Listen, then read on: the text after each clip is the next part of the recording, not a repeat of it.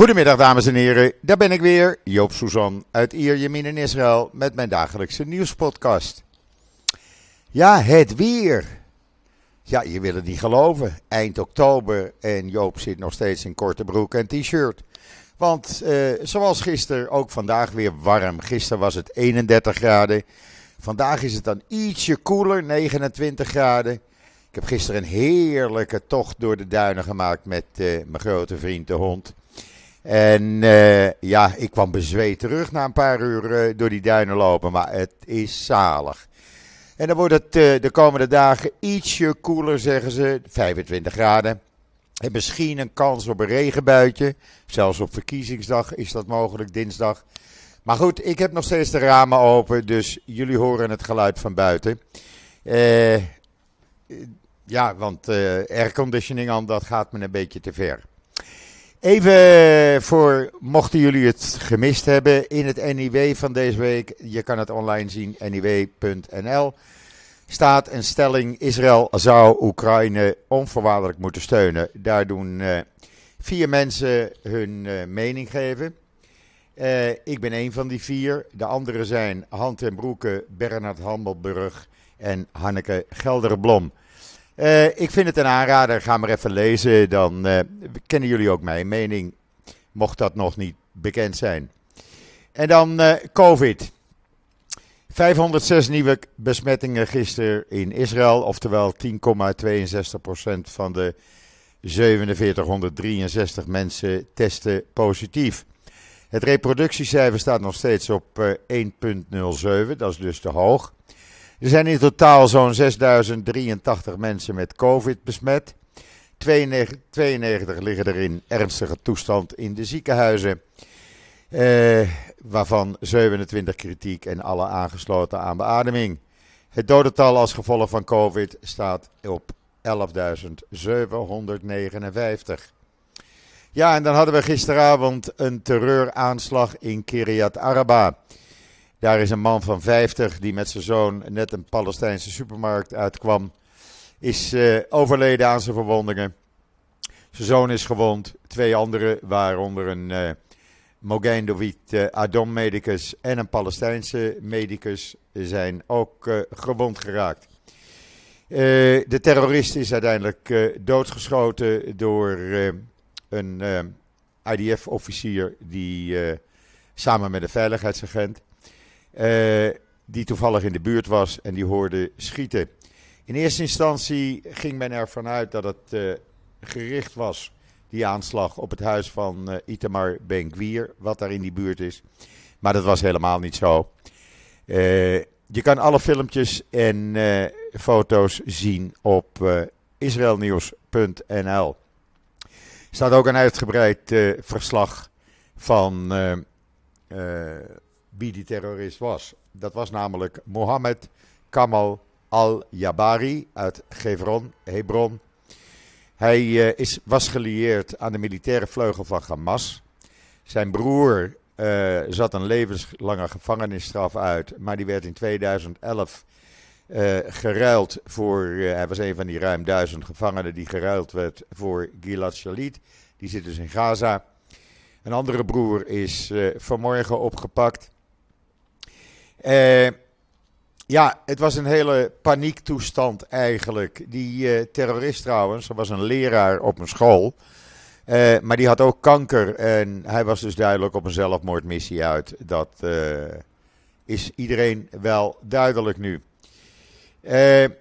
men heeft vanmorgen drie andere terreurverdachten opgepakt. waaronder de broer van de terrorist. Ze hebben ook het huis van de terrorist uh, onderzocht. En zullen mogelijk binnenkort besluiten, de IDF, om dat te sluiten. Er zijn ook illegale wapens uh, gevonden en in beslag genomen. De IDF had het weer erg druk vannacht. Diezelfde IDF heeft bekendgemaakt dat gevechtsposities in elite-eenheden nu, vanaf nu ook openstaan voor vrouwen. Dat betekent dat zij uh, dezelfde uh, posities kunnen bekleden als mannen. Bijvoorbeeld bij de Special Rescue Unit, de 669 helikopter unit. die dus reddingsacties uitvoert. En bij het Combat Engineering Corps. Daar kunnen ze dus ook nu een volledige positie krijgen. Geen verschil meer tussen mannen en vrouwen. Er gaat nog wel een fysiologische screening aan vooraf, maar dat is ook bij mannen. Ehm, en ja, mijn vriend Kobe Ziegler zegt dan wel, ja, elite Joop, het zijn geen elite eenheden. Maar, dat heb ik hem ook gezegd, uh, in Israël worden de meeste units elite-eenheden genoemd. Uh, en dat is kort nadat bekend werd gemaakt, verleden week, dat heeft u kunnen lezen op Israël Nieuws, dit staat er ook weer, dat uh, er nu tankbemanningen komen vanaf november die volledig uit vrouwen bestaan. Dus daar zit geen man meer in die tank. hartstikke goed, gelijkheid, zo hoort het ook. Vrouwen zullen bij dat Combat Engineering Corps ook chauffeursfuncties gaan voldoen. dat is een hartstikke goede zaak. ik bedoel, ik vind dat allemaal heel normaal. En dan de Emiraten. Die gebruiken het Israëlische Barak luchtverdedigingssysteem tegen Iraanse ballistische raketten. Dat wijzen satellietfoto's uit. en er kan Bart Schut wel roepen van ja, waarom wel naar de Emiraten, maar niet naar Oekraïne? Nou, heel simpel. Uh, wij doen dat samen, of Israël doet dat samen met de Emiraten tegen Iran. Dat is een gezamenlijke vijand. En uh, des te beter uh, de, de, regio beschermd is, des te beter het ook voor Israël is. en ja, dan, dan gaat dit dus voor Oekraïne, om het zo maar eens even te zeggen.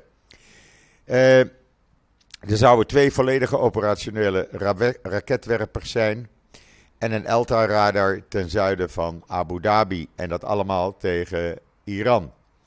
In de afgelopen twee jaar heeft Iran namelijk militaire bases en kritieke infrastructuur van lucht- en zeehavens en oliedepots in Saudi-Arabië aangevallen. Ook schepen in de Golf uh, hebben ze aangevallen.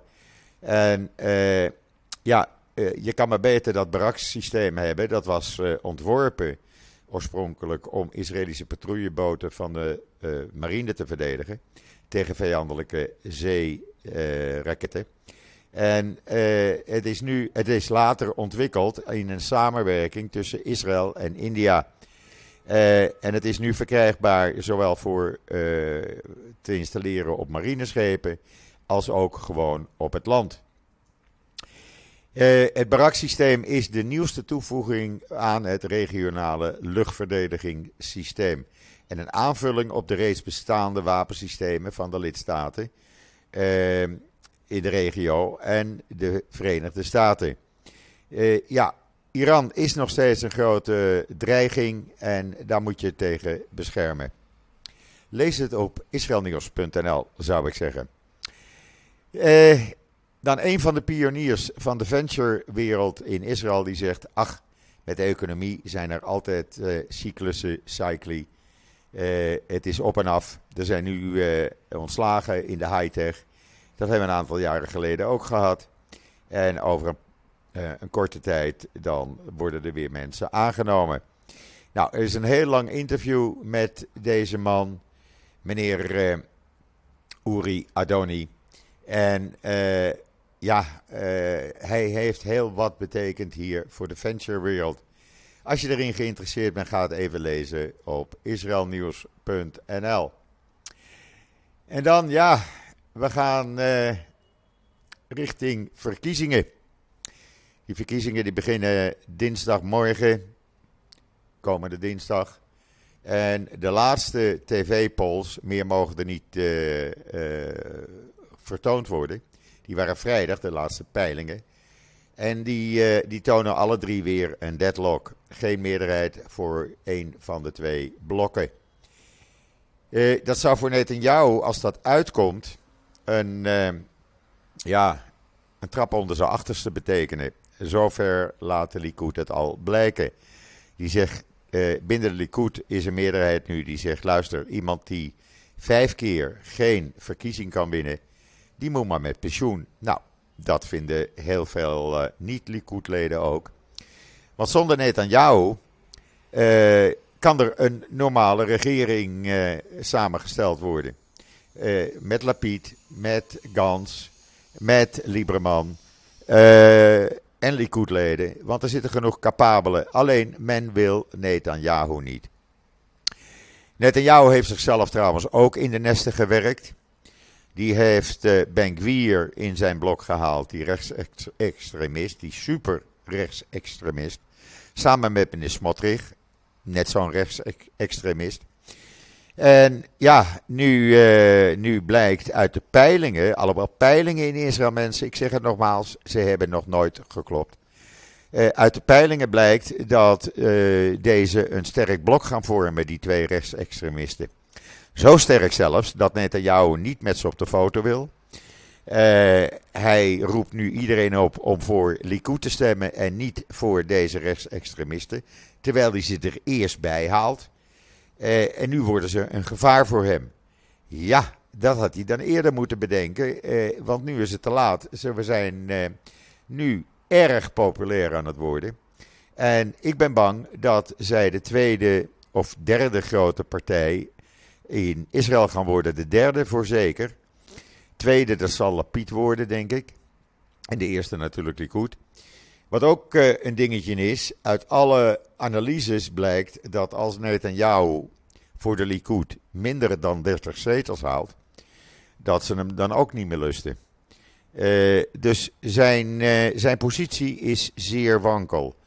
En ja, hoe dat dan verder moet, ik zou het niet weten. Dan zou je, als je weer een deadlock hebt, dan blijft Lapid gewoon nog zes maanden premier. En dan krijg je in maart opnieuw verkiezingen, de zesde op rij. Nou, dat wil toch niemand? Dat kost klauwen met geld elke keer. En het slaat nergens op. En het draait alleen maar om één man die vecht om uit de gevangenis te blijven. Uh, het gevaar is ook nog met die rechtsextremisten. Ik heb het al eerder gezegd. Uh, het eerste wat ze willen doen is het Hoge Rechtshof uh, afzetten. En een nieuw Hoge Rechtshof laten benoemen door de Knesset. Dat betekent geen onafhankelijk Hoge Rechtshof. Nou, daar is iemand van Les Yesatit, meneer uh, Ram Ben Barak. Die was daar gisteren heel duidelijk over. En die zei: luister, uh, het uh, laat één ding duidelijk zijn.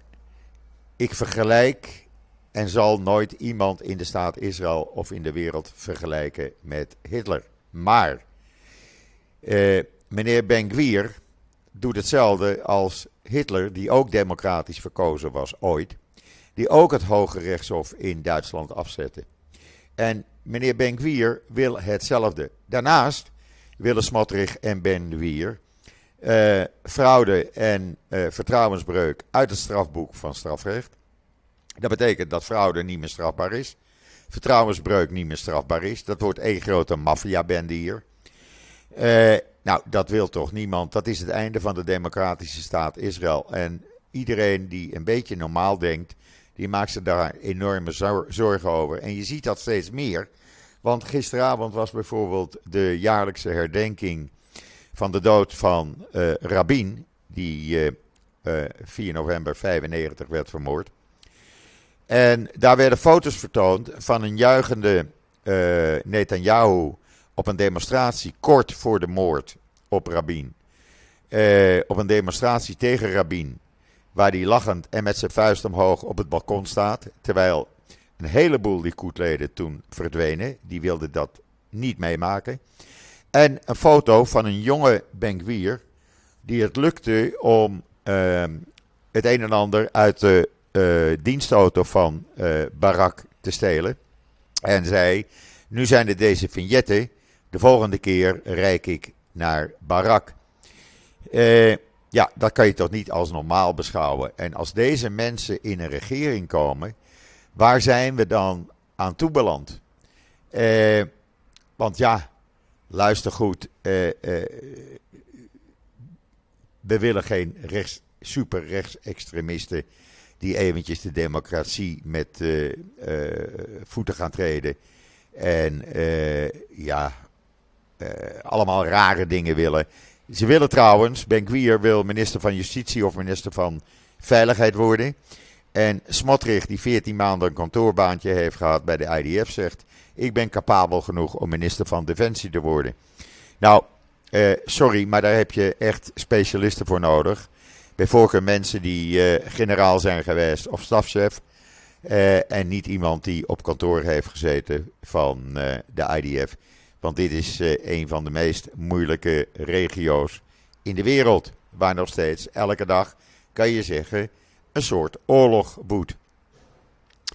Maar goed, dat zien we dan, dan dinsdag. En we weten de uitslag, althans welke richting het uitgaat. Pas in de nacht van dinsdag op woensdag. De stembureaus sluiten om 10 uur. En dan, uh, ja, dan krijg je wel voorspellingen, maar dan moeten de stemmen nog van de soldaten binnenkomen. En diplomaten, dat moet nog allemaal meegeteld worden. Dat is woensdag. Stemmen van soldaten zijn ook goed voor een aantal Knessetzetels. Niemand, niemand weet uh, welke kant het opgaat. De Verenigde Naties weet één ding zeker. Die weet zeker dat Israël nucleaire wapens heeft. En die hebben dan ook weer een resolutie aangenomen tegen Israël. Want ja, tegen wie moet je anders een resolutie aannemen? De Verenigde Naties doet niet anders. Waarin uh, ze eisen dat Israël zijn nucleaire sites onder de bevoegdheid van de Internationale Organisatie van Atoomenergie plaatst. Nou, niemand weet uh, of Israël wel of geen uh, nucleaire sites heeft. Vijf landen hebben tegengestemd: Canada, Israël, Micronesië, eh, Verenigde Staten en Paulu.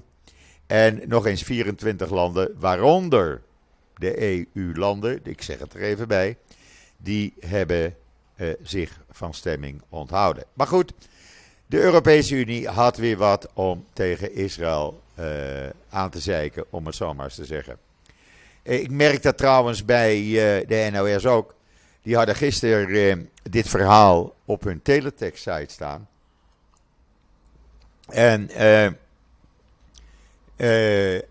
die praten dan weer over bezette gebieden. De NOS schijnt nooit gehoord te hebben van area A, B en C. daar hebben ze niet van gehoord. en ze hadden het over zoveel Palestijnen die dit jaar al zijn gedood bij Israëlische aanvallen. Ja, vraag ik aan de NOS en ik zeg het hier nogmaals een keer. Ik denk dat de NOS liever ziet dat Israël niets doet tegen terreur. En zich gewoon eh, laat afmaken, de bevolking. Dan dat je eh, zorgt dat je terroristen uitschakelt. Eigenlijk zegt de NOS gewoon: Israël, jullie moeten je niet verdedigen tegen terroristen. Dat is wat de NOS zegt. Nou, sorry NOS, jullie kunnen de pot op. Wij verdedigen ons en we blijven ons verdedigen. Of je dat nou wel of niet uh, leuk vindt. Trouwens, ik heb nog even iets over de Likud. Op Twitter heb ik een, uh, een filmpje gezet en ik ben daar woest over. Ik niet alleen hoor, honderden, nee duizenden mensen. Want wij verwijten onze vijanden wanneer ze hun voeten vegen op de Israëlische vlag. Wat doet de Likud? Die laat mensen over de foto's van Gans en Lapid uh, lopen en hun voeten over hun gezichten afvegen. Nou, Likud, dat is beneden pijl. Dat is het laagste van het laagste. Kijk nog maar even op mijn Twitter-timeline. Het staat er sinds uh, gisteren op. Uh, dan heeft uh, Benny Gans nog een opinie in de Jeruzalem Post neergezet. waarin hij eigenlijk afvraagt, of eigenlijk met een oplossing komt van, ja, hoe je de deadlock zou kunnen veranderen.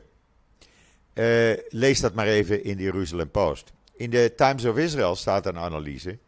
Zullen de ultra-orthodoxe bondgenoten van Netanyahu hem na deze verkiezingen in de steek laten? Nou, in het kort gezegd, als je het niet wil lezen, dan zeg ik het in het kort. Ja. En waarom? Nou, als Netanyahu weer geen meerderheid krijgt, dus weer de verkiezingen uh, verliest, dan kiezen de ultra-orthodoxen ervoor om toch uh, richting Gans of Lapid te gaan en met hem samen een regering uh, op te zetten. En waarom? Omdat ze zoveel geld tekort komen in hun uh, yeshiva's. En ja, ze willen al dat geld graag houden. Maar ja, als ze niet in de regering zitten, krijgen ze het niet.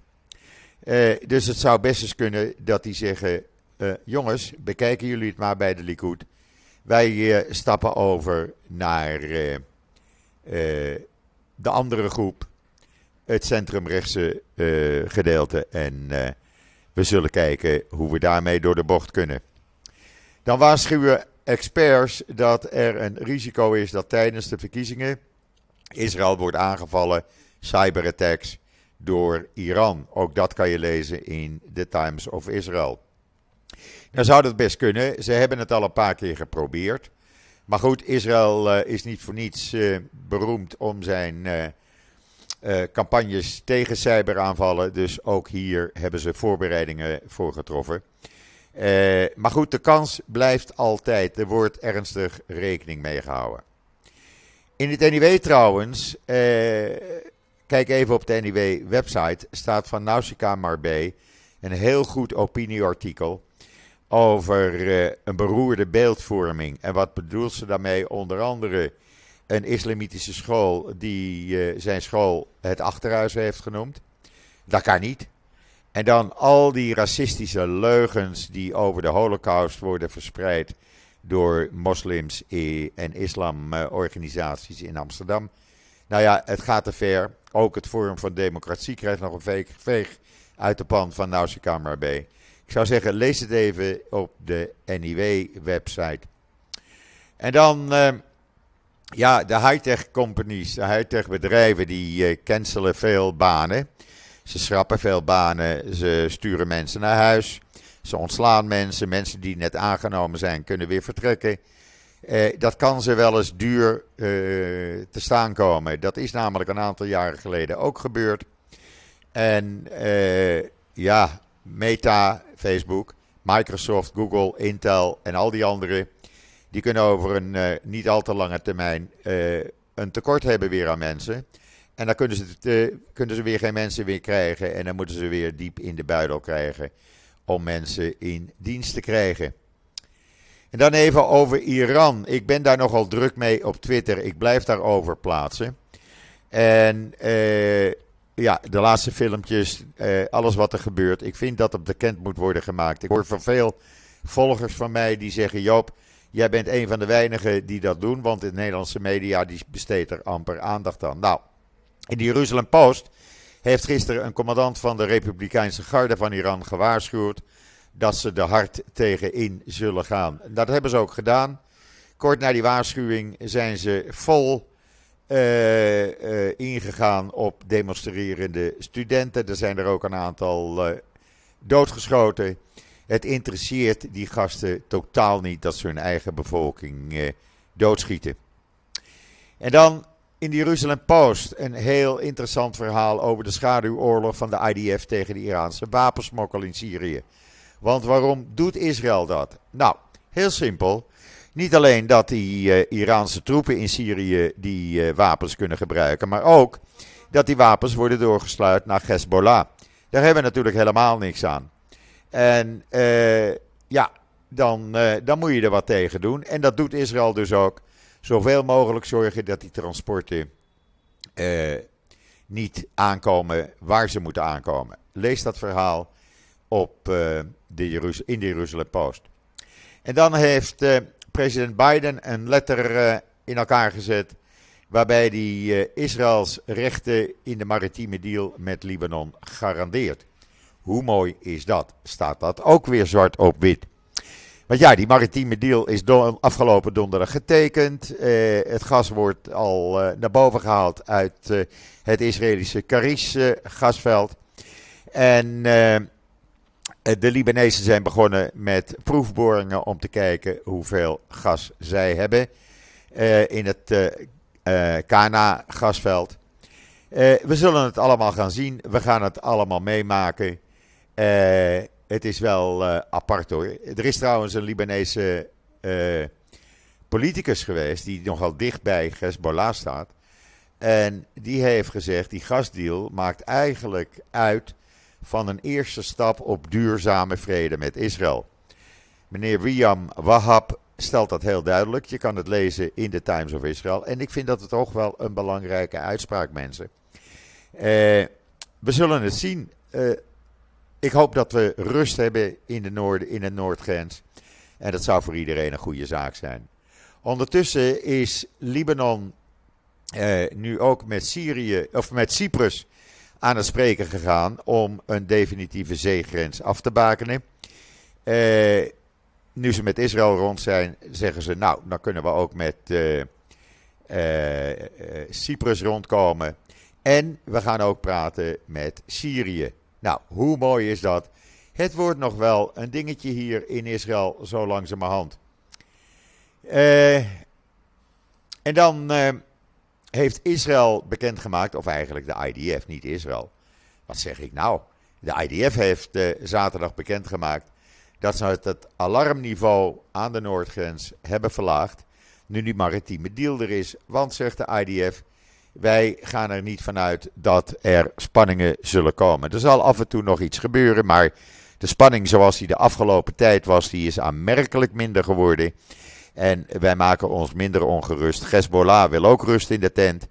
Nou, eh, dan eh, verlagen we het alarmniveau. Ik zal binnenkort, eh, als ik naar mijn broer toe ga in Beta Emek, ga ik toch even kijken. Dan, uh, dat is daar niet ver vandaan. Dan rijd ik weer een stukje langs die uh, grens. Je kan er namelijk helemaal precies langs rijden. En dan kunnen we zien, uh, dan kan ik zien hoe Hezbollah daar nu bivakkeert. Ik zal daar dan ook wat fotootjes maken en filmpjes. Maar goed, dat is nu niet. Dat, eerst moeten we de verkiezingen hebben. Het hele land is er al in rep en roer over. De spanningen lopen echt op, mensen, geloof mij. Want iedereen wil nu toch wel eens een keer een normale regering hebben. Die gewoon vier jaar blijft zitten. En niet dat we over een paar maanden weer verkiezingen hebben. Want het komt je je strot uit. Goed, dat was het wat mij betreft voor vandaag. Eh, ik, ben, ik wens iedereen een hele fijne voortzetting van deze zondag. De 30ste oktober, 29 graden in Israël. Eh, Vanavond, ja, dan is het hier al nacht. Uh, Max Verstappen. Uh, hij heeft pole position. We zullen eens zien hoe dat gaat aflopen. Het wordt mij een beetje te laat, denk ik, om te kijken. Want ik moet er morgenochtend toch weer om 6 uur uit. Trouwens, ik vind die hele wintertijd eigenlijk niks. Want het betekent dat wij van, uh, vanaf vandaag, nu al, om half vijf, begint het al donker te worden in Israël. En dat is binnenkort om half vier, kwart voor vier tot 21 december. Dus voor mij hoeft dat allemaal niet. Maar goed, het is wat het is. Ik kan dat niet veranderen, mensen. Nogmaals, een hele fijne voortzetting van deze zondag. Ik ben er morgen weer en zeg zoals altijd: tot ziens. Tot morgen.